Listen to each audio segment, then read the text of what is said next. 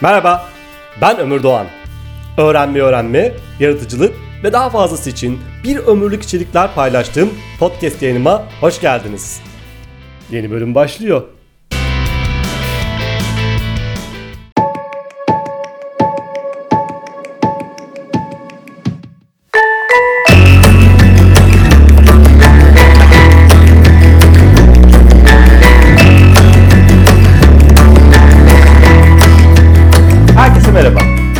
Sorarsanız insanların günümüzde en çok gelişmesi gereken konu neyi neden yaptığımıza dair daha fazla kafa yormak olmalı.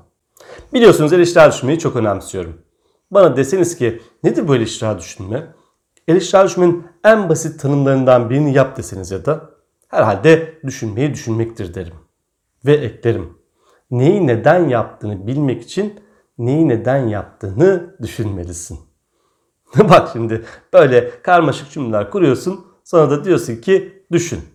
Bir de bunu nerede diyorsun biliyor musun? Düşün düşün nokta noktadır işin denilen bir ülkede. Yani düşünmenin pek de matah bir şey olmadığının atasözü haline getirildiği bir ülkede. O halde hadi gelin önce buna karar verelim. Ve düşün düşün nokta noktadır işin dediğiniz her yerde ya da bunu her duyduğunuzda ya da bir konu üzerine düşünürken hani böyle söylemesek de aman ne düşüneceğim deyip lafın zaten düşün düşün nokta noktadır işin noktasına doğru gittiğini hissettiğinizde her yerde duralım ve ne diyorum ben diye düşünelim. Tabi isterseniz durup düşünmek yerine durmadan da düşünebilirsiniz. Hatta bana sorarsanız durmadan düşünmek daha verimli. Ee, geçenlerde hatta böyle bir şey okudum. Ee, nerede olduğunu hatırlamıyorum şimdi. Ee, yürüyerek yürüyüş yaparak e, yürüyüş yaparken sohbet etmek ya da mesela bir problem çözerken bu şekilde yürüyerek düşünmek daha verimli oluyormuş. Ki ben de buna inanıyorum. Jung'un dediği gibi düşünmek zordur. Bu yüzden insanların çoğu yargılar. Düşünmek yerine sadece yargılamak yanlış kararlar almamıza yol açar. Neyi neden yaptığımız üzerine düşünürsek kararlarımız üzerinde daha fazla söz sahibi olur. Karar kalitemizi arttırabiliriz. Bir şeylerin daha fazla farkına varır. Daha bize özel bir hayat yaşarız. Böylece hayat sizi sürüklemez. Siz hayatın içinde sürüklenirsiniz. Mesela diyelim ki daha yaratıcı olmak istiyorsunuz ya da yaratıcılığa dair düşünüyorsunuz. Bu arada tebrik ederim seni Ömür. Yine konuyu yaratıcılığa getirdin. Diyecekseniz baştan söyleyeyim. Niyetim zaten başından beri konuyu buraya getirmekti. Neyse ne diyordum? Yaratıcılık diyordum. Diyelim ki yaratıcılığa dair kafa yorduğunuz günlerden birinde. Çok bilinen ki bence bana sorarsanız çok değerli de işler yapan bir influencer'ımız e, bir programında insan beyninin tembel olduğunu, beynin çok enerji harcamaktan kaçtığını söylediğini duydunuz. Güzel. Buraya kadar sorun yok.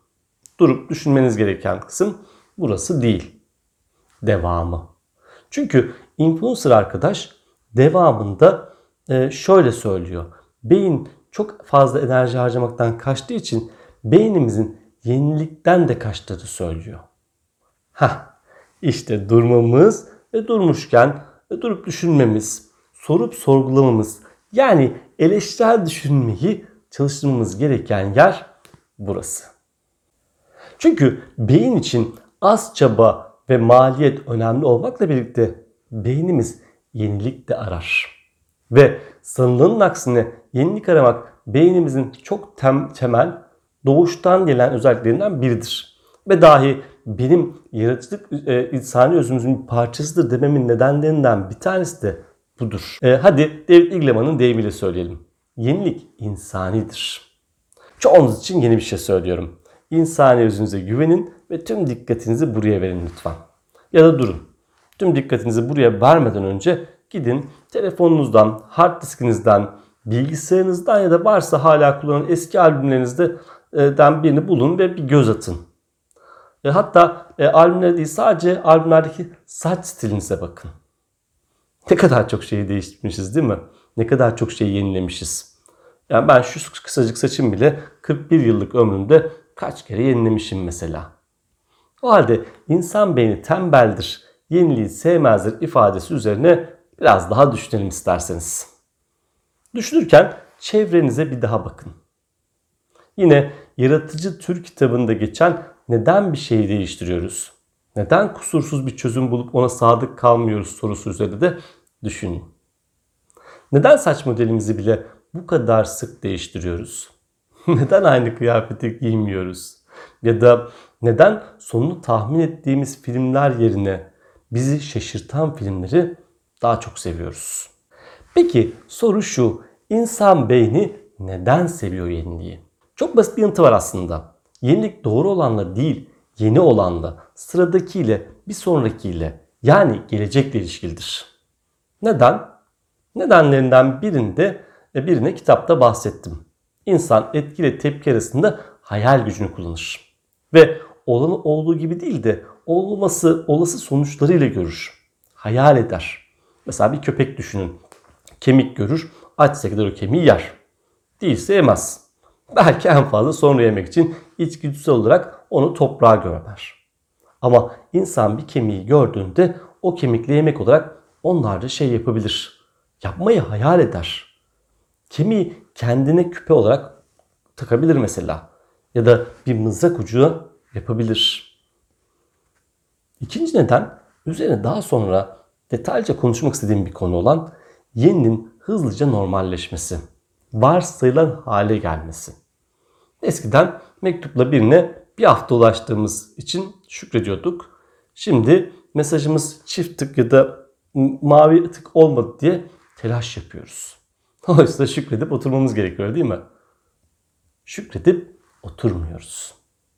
Yani öngörülebilirlik beynin enerji ekonomisi için verimli olmakla birlikte şaşırmak, yeniyi aramak, geleceği hayal etmek, hayal ederken olandan değil olmasını istediğimizden hareket etmek ve e, bu şekilde davranmak bizi yaşam savaşında güçlü kılıyor. Nasıl mı? Hadi bakalım.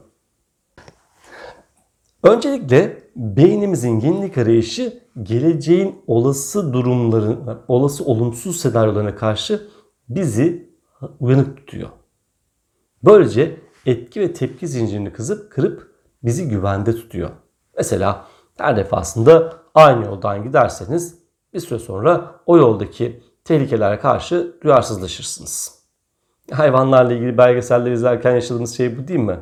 Her defasında aynı şey olur ve her defasında avcı avını aynı şekilde avlar. Bile bile lades durumudur ki hayvanlar lades oynamaz. İkincisi e, yenilik arayışı beynimizin geleceğe daha umutlu ve olumlu bakmasını sağlar. Bu ise daha fazla yaşamla ve toplumla bağ kurmamızı sağlar.